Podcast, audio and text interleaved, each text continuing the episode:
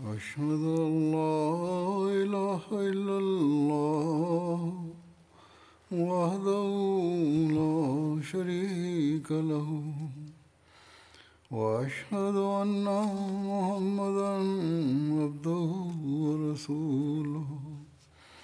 أما بعد فأعوذ بالله من الشيطان الرجيم. بسم الله الرحمن الرحيم. الحمد لله رب العالمين. الرحمن الرحيم. مالك يوم الدين. إياك نعبد وإياك نستعين. اهدنا الصراط المستقيم. صراط الذين أنعمت عليهم غير المغضوب عليهم ولا الضالين. سأتناول اليوم أيضا ذكر بعض الصحابة. أولهم أبو لبابة بن عبد المنذر رضي الله عنه. وقد ذكرته من قبل ولكن عثر على بعض الروايات الأخرى عنه فأذكرها. كتب العلامة ابن عبد البر في الاستيعاب روي عن ابن عباس من وجوه في قول الله تعالى وآخرون اعترفوا بذنوبهم خلطوا عملا صالحا وآخر سيئا.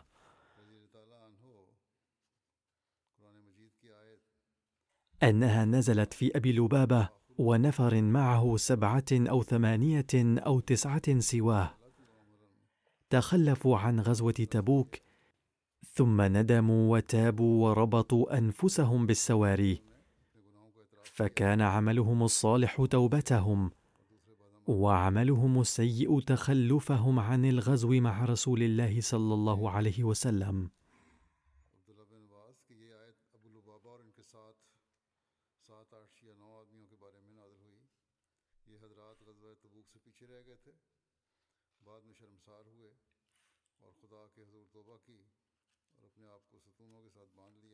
عن مجمع بن جارية أن خنساء بنت خدام كانت تحت أنيس بن قتادة فقتل عنها يوم أحد. فزوجها أبوها رجلا من مزينة فكرهته وجاءت رسول الله صلى الله عليه وسلم فرد نكاحها. فتزوجها أبو لبابة فجاءت بالسائب بن أبي لبابة.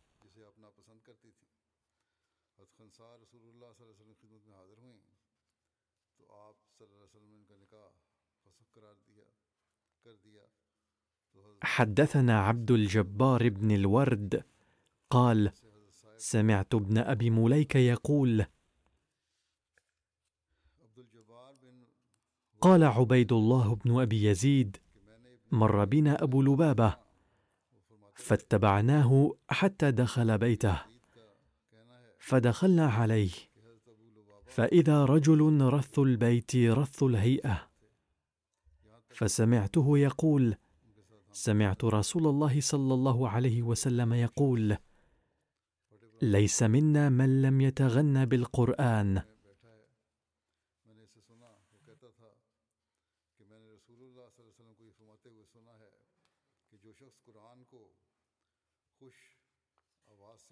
ثم يأتي ذكر أبي الضياح بن ثابت بن النعمان. ورد في رواية أن أبا الضياح خرج مع النبي صلى الله عليه وسلم لغزوة بدر ولكنه أصيب بحجر في ساقه فرجع ولكن النبي صلى الله عليه وسلم قسم له من بدر.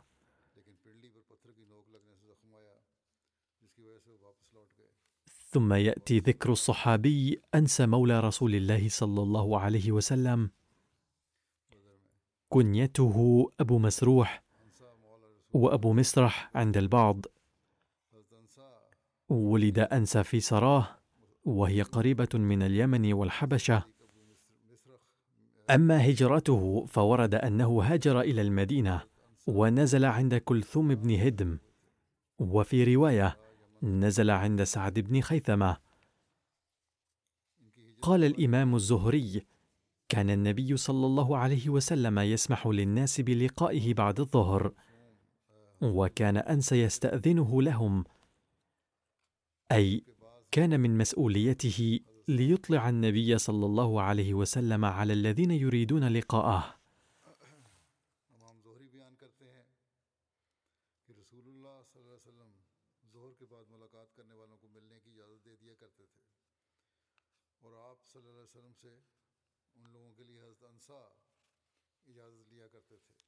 ثم يأتي ذكر الصحابي مرثد بن أبي مرثد. عن عمران بن مناح قال لما هاجر أبو مرثد الغنوي وابنه مرثد بن أبي مرثد إلى المدينة. نزل على كلثوم بن الهدم. قال محمد بن عمر أنه شهد احدا واستشهد في سرية الرجيع.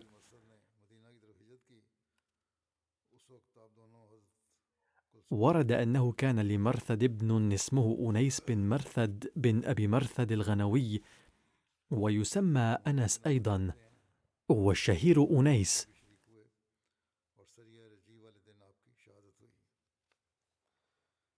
وشهد مع رسول الله صلى الله عليه وسلم فتح مكة وغزوة حنين.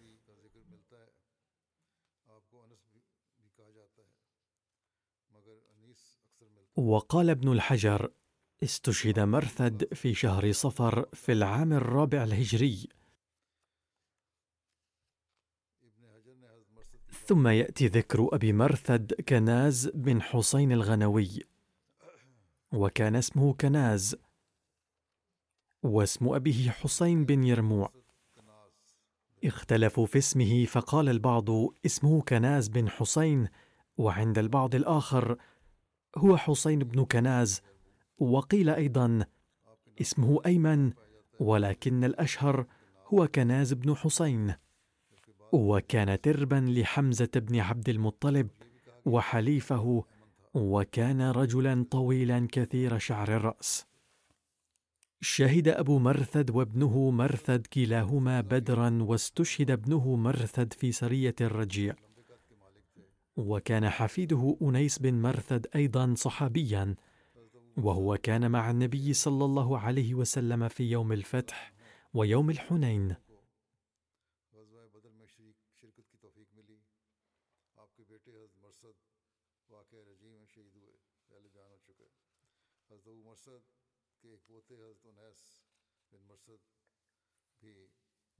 ورد أنه في الربيع الأول من العام الثاني للهجرة بعث رسول الله صلى الله عليه وسلم عمه حمزة بن عبد المطلب من المدينة إلى سيف البحر من ناحية العيص في ثلاثين راكبا من المهاجرين.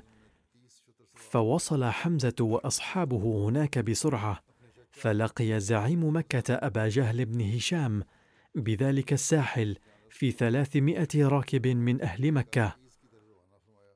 فاصطف الجيشان مقابل بعضهما وكادت الحرب تنشب. إذ حجز بينهم رئيس تلك المنطقة مجدي بن عمرو الجهني وكان موادعا للفريقين فلم يكن بينهم قتال.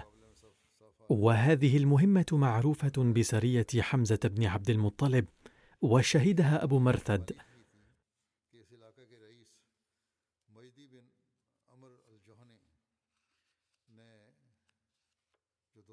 ورد في رواية أن أول لواء عقده النبي صلى الله عليه وسلم هو لواء حمزة. وكان حامله في هذه السرية أبو مرثد رضي الله عنه.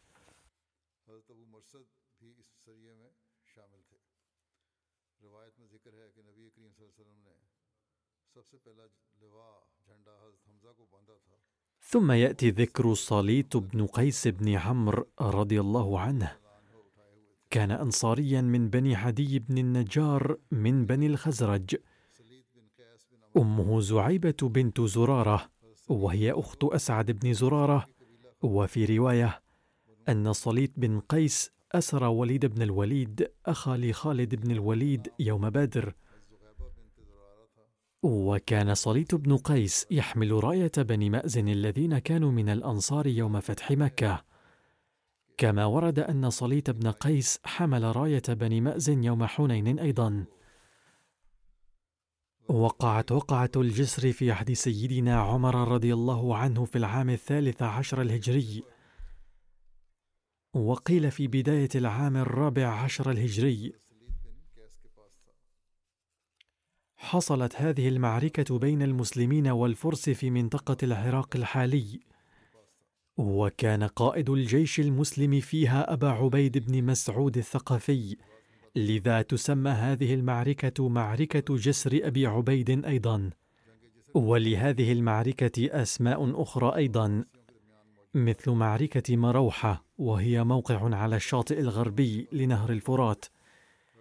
ومعركة قوس الناطف وهي موقع على شرقي الفرات قريبا من الكوفة.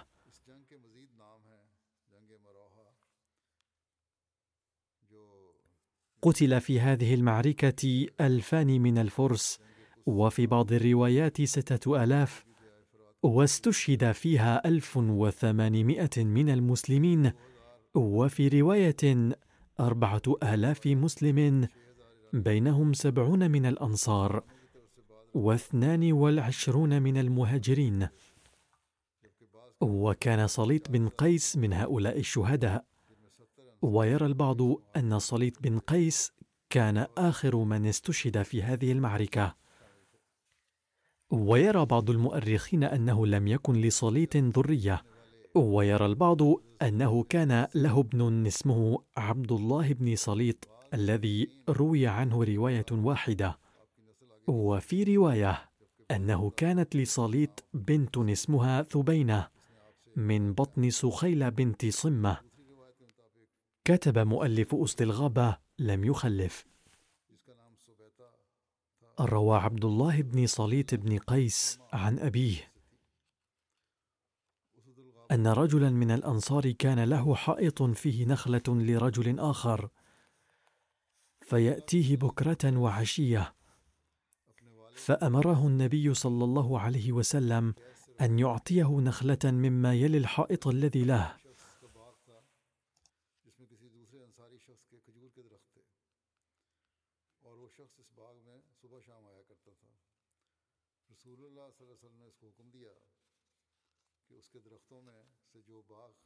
ثم هناك ذكر مجذر بن زياد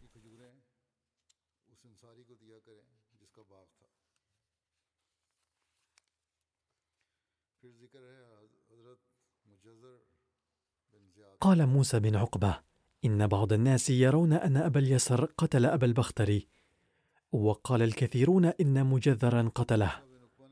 وقد قتل مجذر سويد بن صامت في الجاهلية مما أدى إلى إثارة حرب البحاث. ثم أسلم بعد ذلك مجذر والحارث بن سويد بن صامت ولكن الحارث بن سويد ظل يتحين الفرصة ليقتل مجذرا انتقاما لقتله أباه. عندما عاد قريش الكرة على المسلمين يوم أحد أتاه الحارث بن سويد من خلفه فضرب عنقه وقتله غيلة. فأتى جبريل رسول الله صلى الله عليه وسلم فأخبره أن الحارث بن سويد قتل المجذر بن زياد غيلة. فأمر رسول الله صلى الله عليه وسلم بقتل الحارث بن سويد بالمجذر بن زياد. جاء النبي صلى الله عليه وسلم في يوم كان الحر شديدا في قباء وكان الذي ضرب عنقه بأمر رسول الله صلى الله عليه وسلم عويم بن ساعدة على باب مسجد قباء.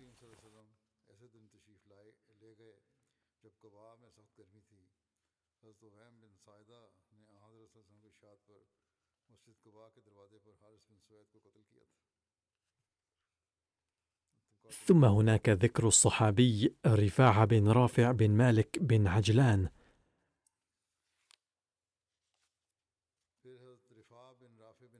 ورد عن إسلام رفاعة بن رافع عن معاذ بن رفاعة عن أبيه رفاعة بن رافع أنه خرج وابن خالته معاذ بن عفراء حتى قدم مكة. فلما هبط من الثنية رأيا رجلا تحت شجرة. قال الراوي وهذا قبل خروج الستة الأنصاريين أي أن هذه الواقعة كانت قبل بيعة العقبه الأولى.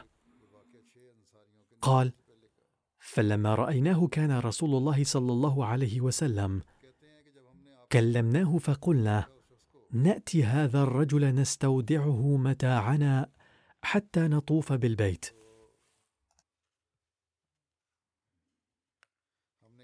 فسلمنا عليه تسليم الجاهلية فرد علينا بسلام أهل الإسلام.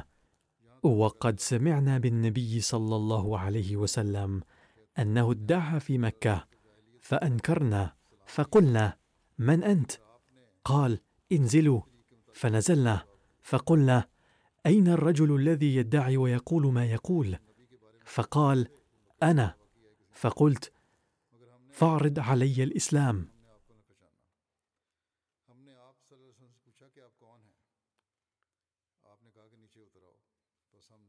وقال من خلق السماوات والأرض والجبال؟ قلنا خلقهن الله. قال فمن خلقكم؟ قلنا الله.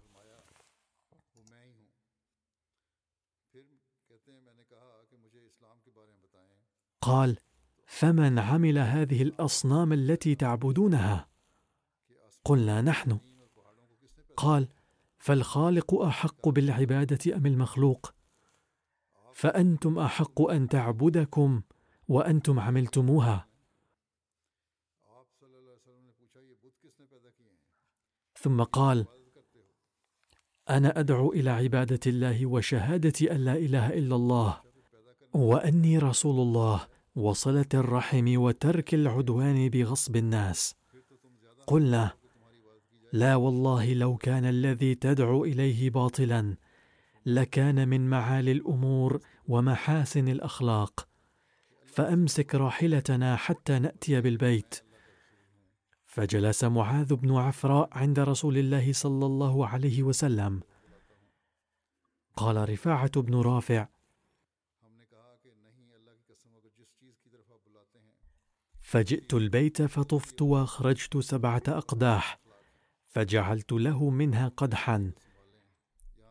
كان من عادتهم أن يتفاءلوا بالأزلام لاطمئنان قلوبهم. فاستقبلت البيت فقلت اللهم إن كان ما يدعو إليه محمد حقا فأخرج قدحه سبع مرات.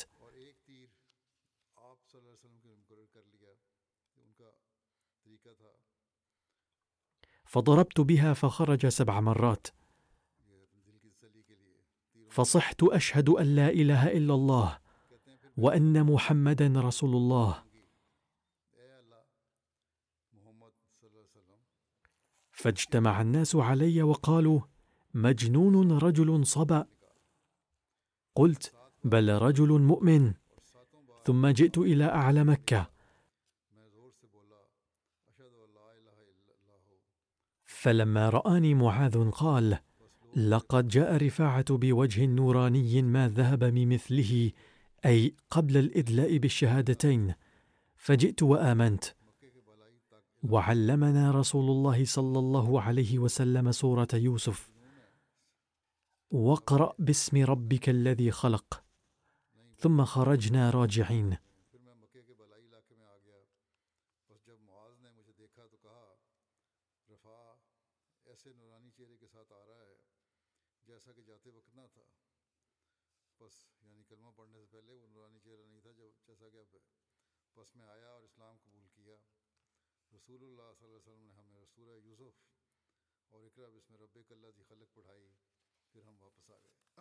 وعن رفاعة بن رافع بن مالك قال: لما كان يوم بدر رميت بسهم ففقعت عيني فبصق فيها رسول الله صلى الله عليه وسلم ودعا لي فما آذاني منها شيء؟ وفي رواية أخرى أن رفاعة بن رافع لم تصب عينه بالسهم يوم بدر بل إن أباه رافع بن مالك هو الذي أصيبت عينه بالسهم. ولكن النتيجة هي هي أي ما آذاه منها شيء بعد ذلك. عن رفاعة بن رافع أن رسول الله صلى الله عليه وسلم بينما هو جالس في المسجد يوما قال رفاعة ونحن معه إذ جاءه رجل كالبدوي فصلى فأخف صلاته ثم انصرف فسلم على النبي صلى الله عليه وسلم. فقال النبي صلى الله عليه وسلم وعليك فارجع فصلي. فإنك لم تصلي. فرجع فصلى ثم جاء فسلم عليه فقال وعليك. فارجع فصلي فإنك لم تصلي. ففعل ذلك مرتين أو ثلاثا. كل ذلك يأتي النبي صلى الله عليه وسلم. فيسلم على النبي صلى الله عليه وسلم فيقول النبي وعليك. فارجع فصلي فإنك لم تصلي. فخاف الناس وكبر عليهم أن يكون من أخف صلاته لم يصلي. يقول حضرته يجب أن نفحص أنفسنا أيضا من هذا المنطلق. فقال الرجل في آخر ذلك فأرني وعلمني فإنما أنا بشر أصيب وأخطئ. فقال أجل إذا قمت إلى الصلاة فتوضأ كما أمرك الله وأقم فإن كان معك قرآن فاقرأ وإلا فاحمد الله وكبره وهلله ثم اركع فاطمئن راكعا ثم اعتدل قائما ثم اسجد فاعتدل ساجدا ثم اجلس فاطمئن جالسا ثم قم فإذا فعلت ذلك فقد تمت صلاتك. وإن انتقصت منه شيئا. انتقصت من صلاتك. عن رفاعة بن رافع أنه كان جالسا عند النبي صلى الله عليه وسلم فقال إنها لا تتم صلاة لأحد حتى يسبغ الوضوء كما أمره الله تعالى. يغسل وجهه ويديه إلى المرفقين ويمسح برأسه. ويغسل رجليه إلى الكعبين.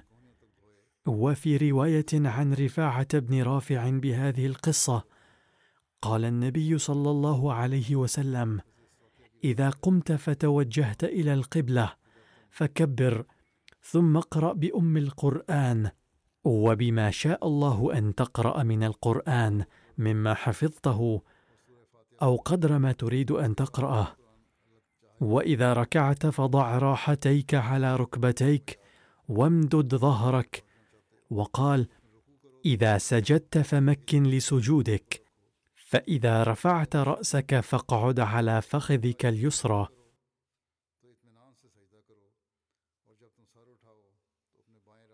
والآن أذكر سيدنا أبا أسيد مالك بن الربيعة. فقد قال عثمان بن عبيد الله رأيت أبا أسيد يصفر لحيته.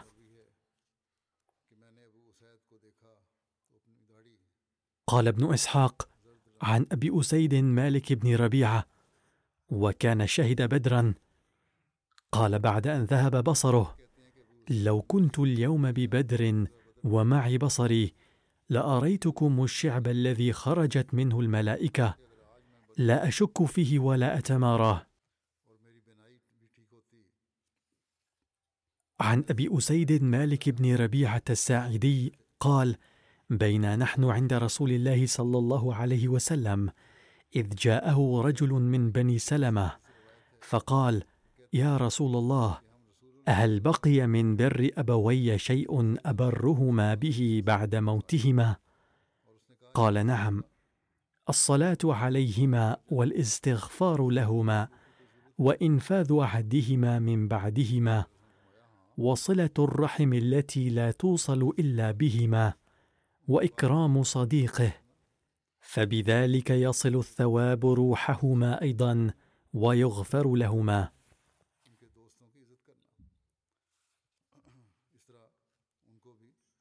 عن مالك بن ربيعة أنه سمع النبي صلى الله عليه وسلم يقول اللهم اغفر للمحلقين فقال رجل وللمقصرين فقال في الثالثة أو الرابعة وللمقصرين قال وأنا محلوق يومئذ فما سرني حمر النعم أو خطر عظيم أو مال كثير.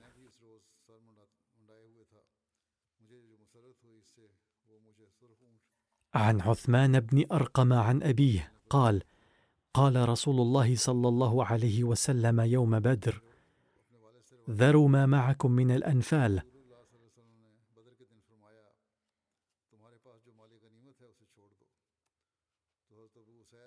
فوضع أبو أسيد الساعدي سيف عائذ المرزبان فرفعه الارقم فقال هبه لي يا رسول الله. فأعطاه إياه.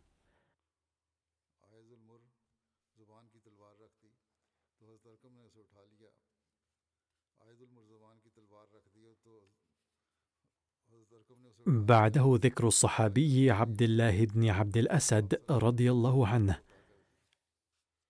فعن محمد بن عمار قال أول من قدم علينا في الهجرة من مكة إلى المدينة أبو سلمة بن عبد الأسد. قدم لعشر خلون من المحرم وقدم رسول الله صلى الله عليه وسلم المدينة لاثنتي عشرة ليلة خلت من شهر ربيع الأول. فكان بين أول من قدم من المهاجرين فنزلوا في بني عمرو بن عوف وبين آخرهم شهران. وعن أم سلمة رضي الله عنها أنها وأبا سلمة نزلا عند هجرتهما عند مبشر بن عبد المنذر في قباء. وآخى رسول الله صلى الله عليه وسلم بين أبي سلمة بن عبد العسد وبين سعد بن خيثمة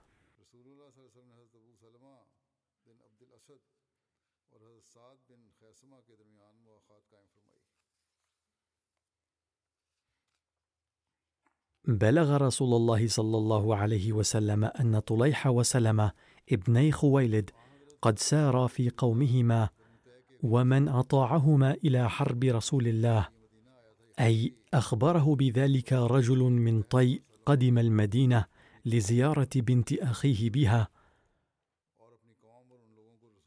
فدعا رسول الله صلى الله عليه وسلم أبا سلمة وعقد له لواء وبعث معه مئة وخمسين رجلا من المهاجرين والأنصار وبعث الرجل المخبر له دليلا لهم. وقال لأبي سلمة سر حتى تنزل أرض بني أسد فأغر عليهم قبل أن يتلاقى عليك جموعهم فأسرع السير واعدل عن سيف الطريق وسار بهم ليلا ونهارا ليستبق الأخبار ليفاجئهم فانتهى إلى ماء من مياههم فأغار على سرح لهم وأسروا ثلاثة من الرعاة وأفلت سائرهم. ففرق أبو سلمة أصحابه ثلاث فرق. فرقة بقيت معه وفرقتان أغارتا في طلب النعم والشاء والرجال فأصابوا إبلا وشاء ولم يلقوا أحدا فانحدر أبو سلمة بذلك كله إلى المدينة. هذا من السيرة الحلبية.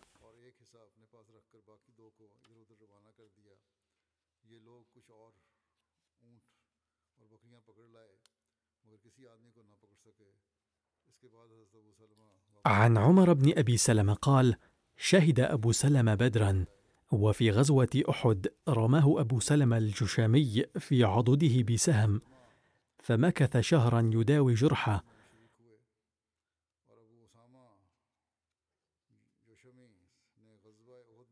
ثم برأ الجرح في الظاهر ولم يعرف أحد أنه لم يندمل تماما. وبعثه رسول الله صلى الله عليه وسلم إلى قطن إلى بني أسد في المحرم على رأس خمسة وثلاثين شهرا بعد الهجرة. وقطن جبل ما بين عنيزة بنجد وخيبر بالحجاز.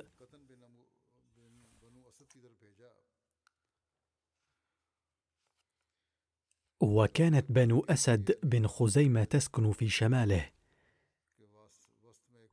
فغاب عن المدينة أكثر من عشرة ليال ثم رجع فدخل المدينة والجرح منتقض. فمات منه في الثالث من جماد الآخرة سنة أربع من الهجرة.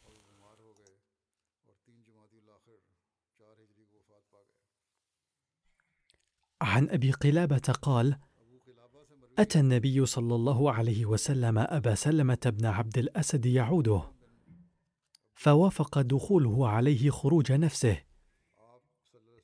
قال فقلنا النساء عند ذلك شيئا. فقال ما? لا تدعون على أنفسكن إلا بخير. فإن الملائكة تحضر الميت. أو قال أهل الميت. فيؤمنون على دعائهم. فلا تدعون على أنفسكن إلا بخير.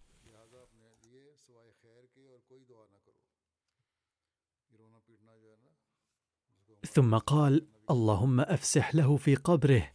وأضيء له فيه وعظم نوره واغفر ذنبه.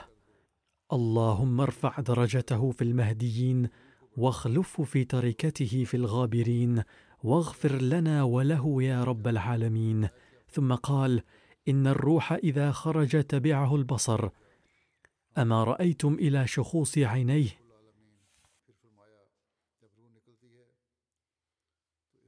بعد ذلك هناك ذكر الصحابي خلاد بن رافع الزرقي رضي الله عنه. كان خلاد بن رافع من بني العجلان أحد أحياء بني الخزرج من الأنصار ووالدته هي أم مالك بنت أبي بن مالك.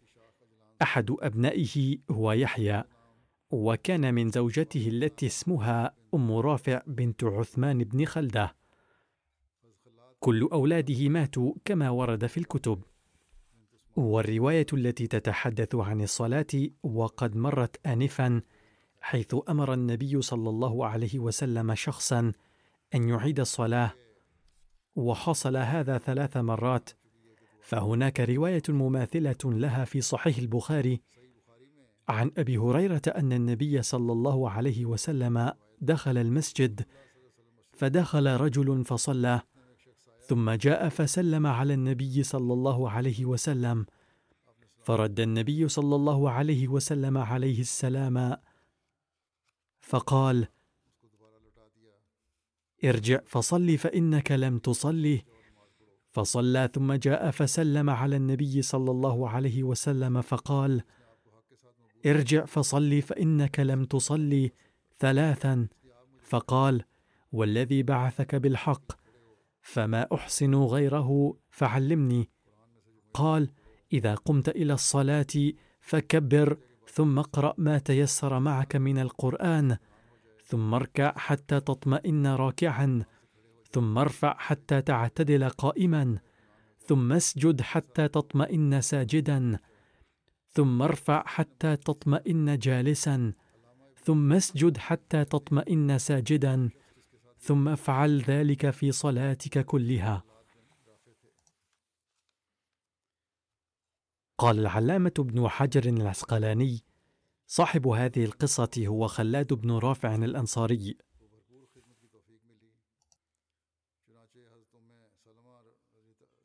لقد خدم خدمة عظيمة في غزوة الخندق. قالت أم سلمة رضي الله عنها كنت مع رسول الله صلى الله عليه وسلم في الخندق فلم أفارقه مقامه كله. وكان يحرس نفسه في الخندق. وكنا في قر شديد.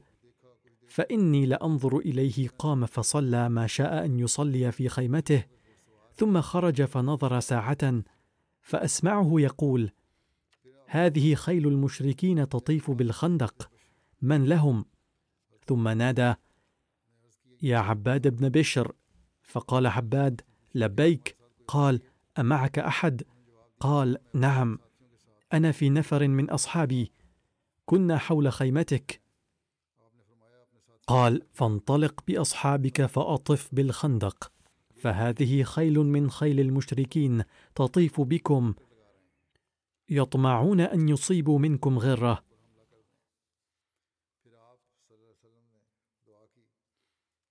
ثم دعا النبي صلى الله عليه وسلم اللهم ادفع عنا شرهم وانصرنا عليهم واغلبهم لا يغلبهم غيرك. فخرج عباد بن بشر في أصحابه فإذا بأبي سفيان في خيل من المشركين يطيفون بمضيق الخندق.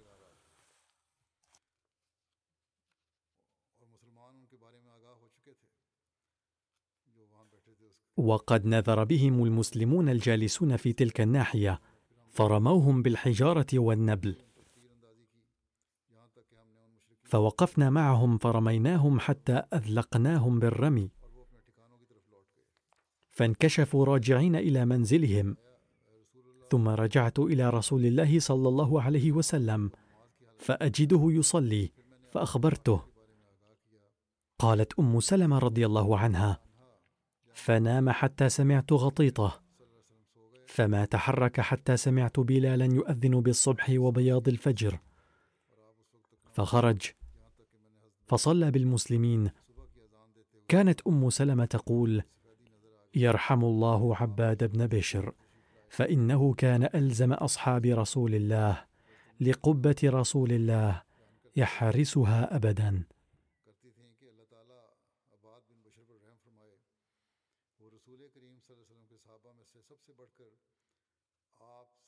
وكانت عائشة رضي الله عنها تقول إن ثلاثة أشخاص من الأنصار ليس لهم مثيل في الفضل أي أسيد بن حضير وسعد بن معاذ وعباد بن بشر. هناك رواية بشأن تحويل القبلة فيها ذكر عباد بن بشر عن طويلة رضي الله عنها. قالت صلينا في بني حارثة الظهر أو العصر فصلينا ركعتين إلى بيت المقدس.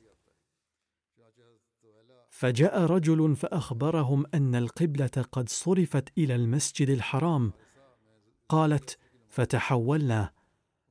فتحول الرجال مكان النساء والنساء مكان الرجال. وفي رواية أن هذا الرجل الذي أخبرهم أن القبلة قد صرفت هو عباد بن بشر القيضي الذي كان من بني الحارث. وفي رواية أن هذا كان عباد بن بشر بن وقش من بني عبد الأشهل.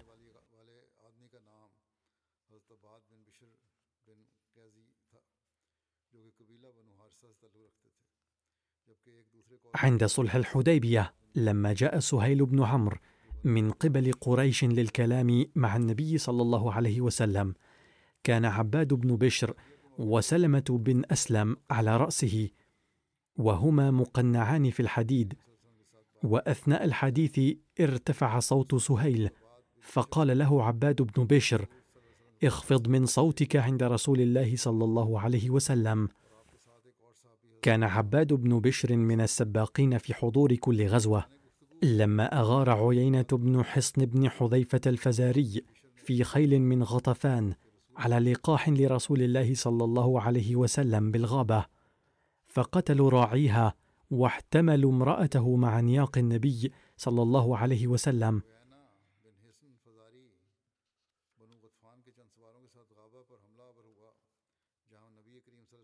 وبلغ رسول الله صلى الله عليه وسلم الخبر في المدينة فترامت الخيول إلى رسول الله صلى الله عليه وسلم. وكان أول من انتهى إلى رسول الله صلى الله عليه وسلم من الفرسان المقداد بن الأسود وبعد المقداد من الأنصار عباد بن بشر.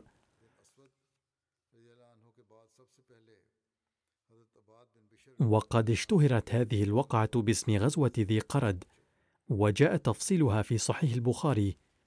فعن يزيد بن أبي عبيد قال سمعت سلمة بن الأكوع يقول خرجت قبل أن يؤذن بالأولى أي بصلاة الفجر. وكانت لقاح رسول الله صلى الله عليه وسلم ترعى بذي قرد. قال فلقيني غلام لعبد الرحمن بن عوف. فقال أخذت لقاح رسول الله صلى الله عليه وسلم. قلت من أخذها؟ قال رجال غطفان.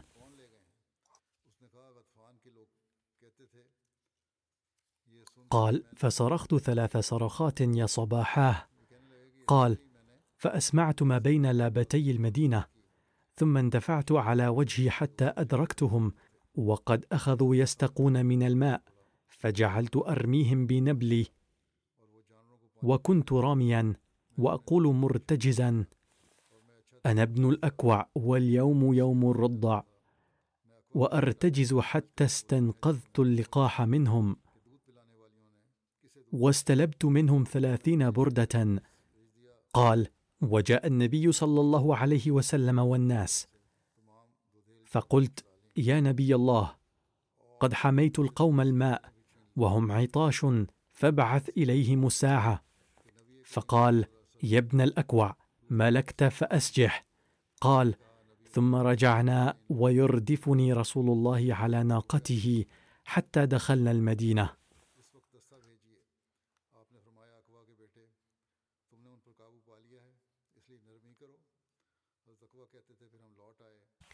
والذكر التالي هو للصحابي حاطب بن أبي بلتعة الذي مات بالمدينة سنة ثلاثين وهو ابن خمس وستين وصلى عليه عثمان بن عفان. لقد ورد في بعض الروايات أن أبا بكر الصديق بعث حاطب بن أبي بلتعة إلى المقوقس بمصر فصالحهم ولم يزالوا كذلك حتى دخلها عمرو بن العاص. وكان حاطب رجلا حسن الجسم خفيف اللحية. أجنأ به حدب يميل إلى القصر غليظ الأصابع. عن يعقوب بن عتبة قال ترك حاطب بن أبي بلتع يوم مات أربعة آلاف دينار ودراهم وكان تاجرا يبيع الطعام وغيره. ولحاطب بقية بالمدينة.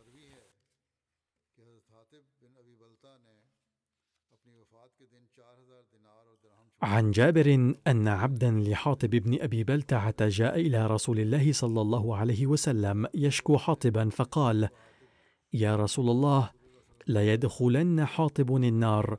فقال رسول الله كذبت لا يدخلها فإنه قد شهد بدرا والحديبية.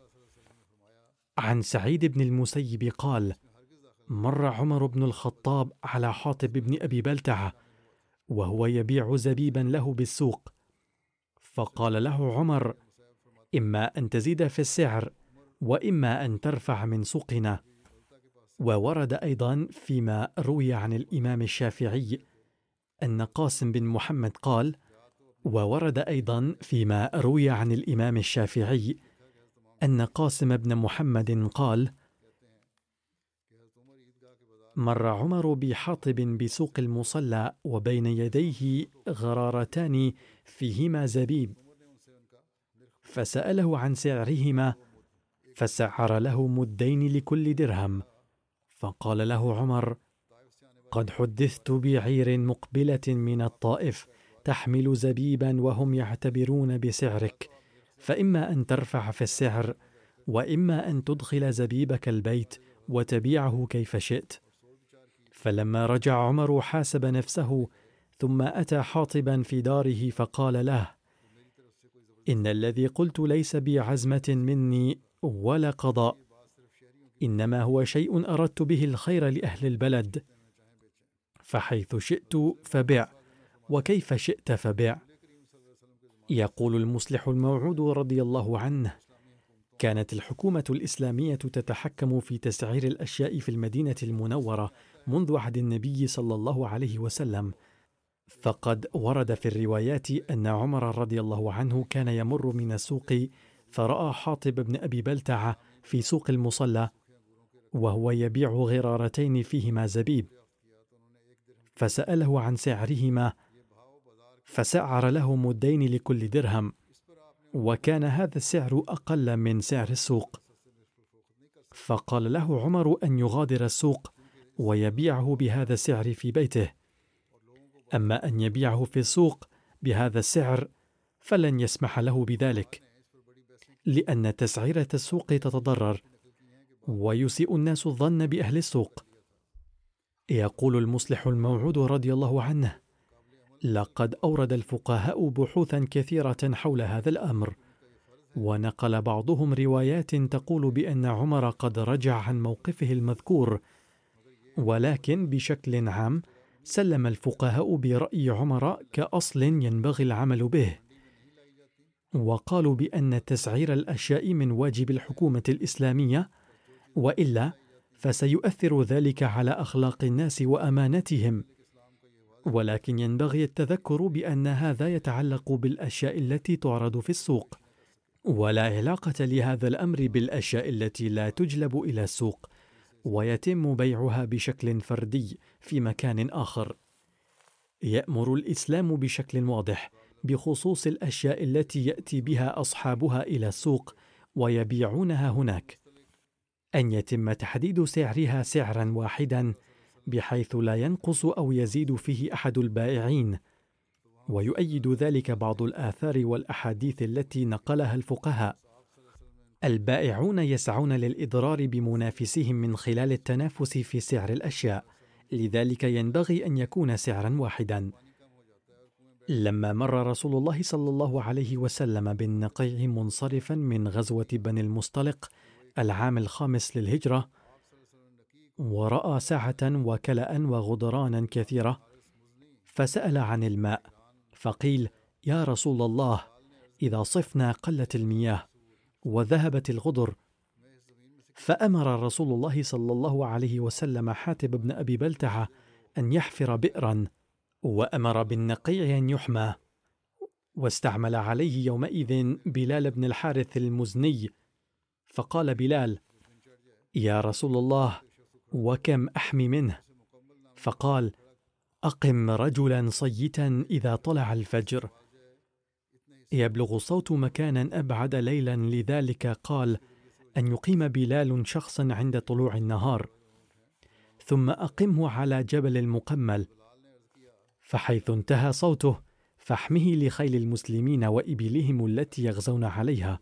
أي ينبغي أن ترعى في هذه الحمى خيل المسلمين وإبلهم التي يجاهدون عليها. فقال بلال يا رسول الله أفرأيت ما كان من سوائم المسلمين؟ فقال لا يدخلها. أي فلا ترعى فيها إلا التي تستخدم من أجل الجهاد. قلت يا رسول الله أرأيت المرأة والرجل الضعيف تكون له الماشية اليسيرة وهو يضعف عن التحول؟ قال دعه يرعى أي لا بأس في أن تدع ماشية الفقراء اليسيرة ترعى لقد سبق ذكر الرواية التي ذكر فيها أن انصاريا خاصم الزبير في شراج الحرة التي يسقون بها النخل. فقال الأنصاري سرح الماء يمر فأبى عليه فاختصم عند النبي صلى الله عليه وسلم. فقال رسول الله صلى الله عليه وسلم للزبير اسق يا زبير ثم أرسل الماء إلى جارك. فغضب الأنصاري فقال أن كان ابن عمتك. فتلون وجه رسول الله صلى الله عليه وسلم. ثم قال اسق يا زبير. ثم احبس الماء حتى يرجع إلى الجدر. فقال الزبير والله إني لأحسب هذه الآية نزلت في ذلك فلا وربك لا يؤمنون حتى يحكموك فيما شجر بينهم. هذه رواية البخاري ولقد ورد خلاف في التفاسير عن الأنصاري المذكور فيها فقد ورد في تفسير القرطبي قول المكي والنحاس أنه كان حاطب بن أبي بلتعة.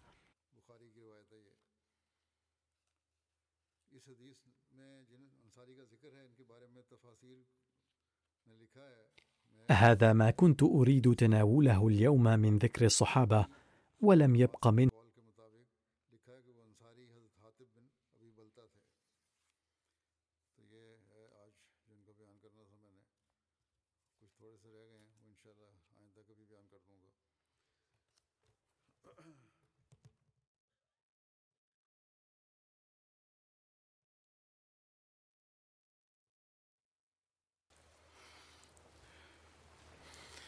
الحمد لله الحمد لله نحمده ونستعينه ونستغفره ونؤمن به ونتوكل عليه ونعوذ بالله من شرور ونعوذ بالله من شرور أنفسنا ومن سيئات أعمالنا. من يهده الله فلا مضل له ومن يضلل فلا هادي له. ونشهد أن لا إله إلا الله ونشهد أن محمدا عبده ورسوله. عباد الله رحمكم الله. إن الله يأمر بالعدل والإحسان وإيتاء ذي القربى وينهى عن الفحشاء والمنكر والبغي يعظكم لعلكم تذكرون اذكروا الله يذكركم ودوه يستجب لكم ولذكر الله أكبر